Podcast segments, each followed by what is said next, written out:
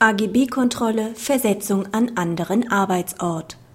Eine Vereinbarung, die den Arbeitgeber berechtigt, den Arbeitnehmer an einem anderen Arbeitsort innerhalb Deutschlands einzusetzen, bedarf weder der Festlegung einer Ankündigungsfrist noch eines maximalen Entfernungsradius. Die Arbeitnehmerin ist als Steuerberaterin bei einer Wirtschaftsprüfungsgesellschaft in Bielefeld beschäftigt.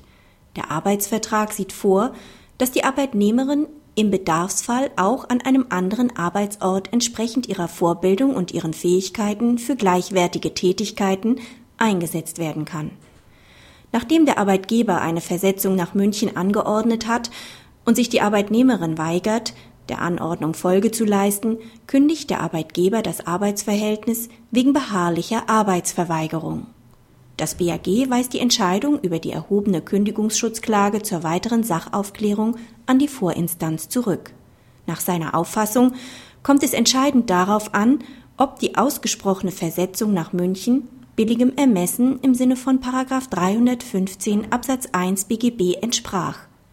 Nach den getroffenen vertraglichen Vereinbarungen steht dem Arbeitgeber dem Grunde nach ein örtliches Versetzungsrecht zu. Die arbeitsvertraglichen Vereinbarungen halten insoweit einer AGB-Kontrolle stand.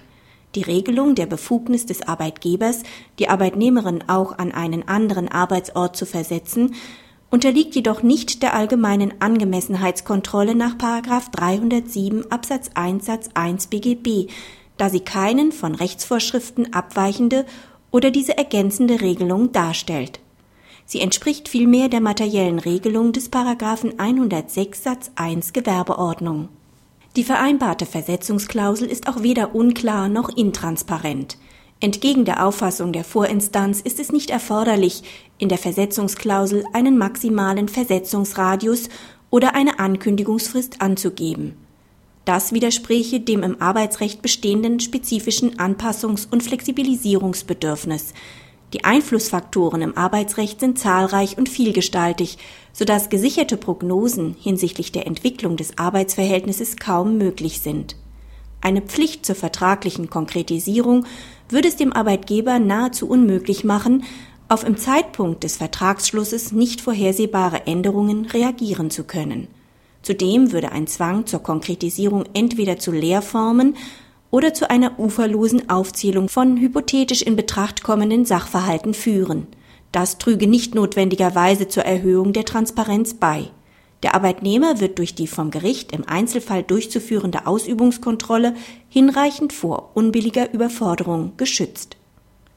Praxishinweis Das Urteil erweitert die Handlungsspielräume von Unternehmen bei der Personaleinsatzplanung. Nachdem das BAG Versetzungsklauseln mit denen sich der Arbeitgeber die Zuweisung einer anderen Tätigkeit vorbehält, eher kritisch betrachtet, stellt die vorliegende Entscheidung die Befugnis zur Bestimmung des Arbeitsortes grundsätzlich in das alleinige Ermessen des Arbeitgebers.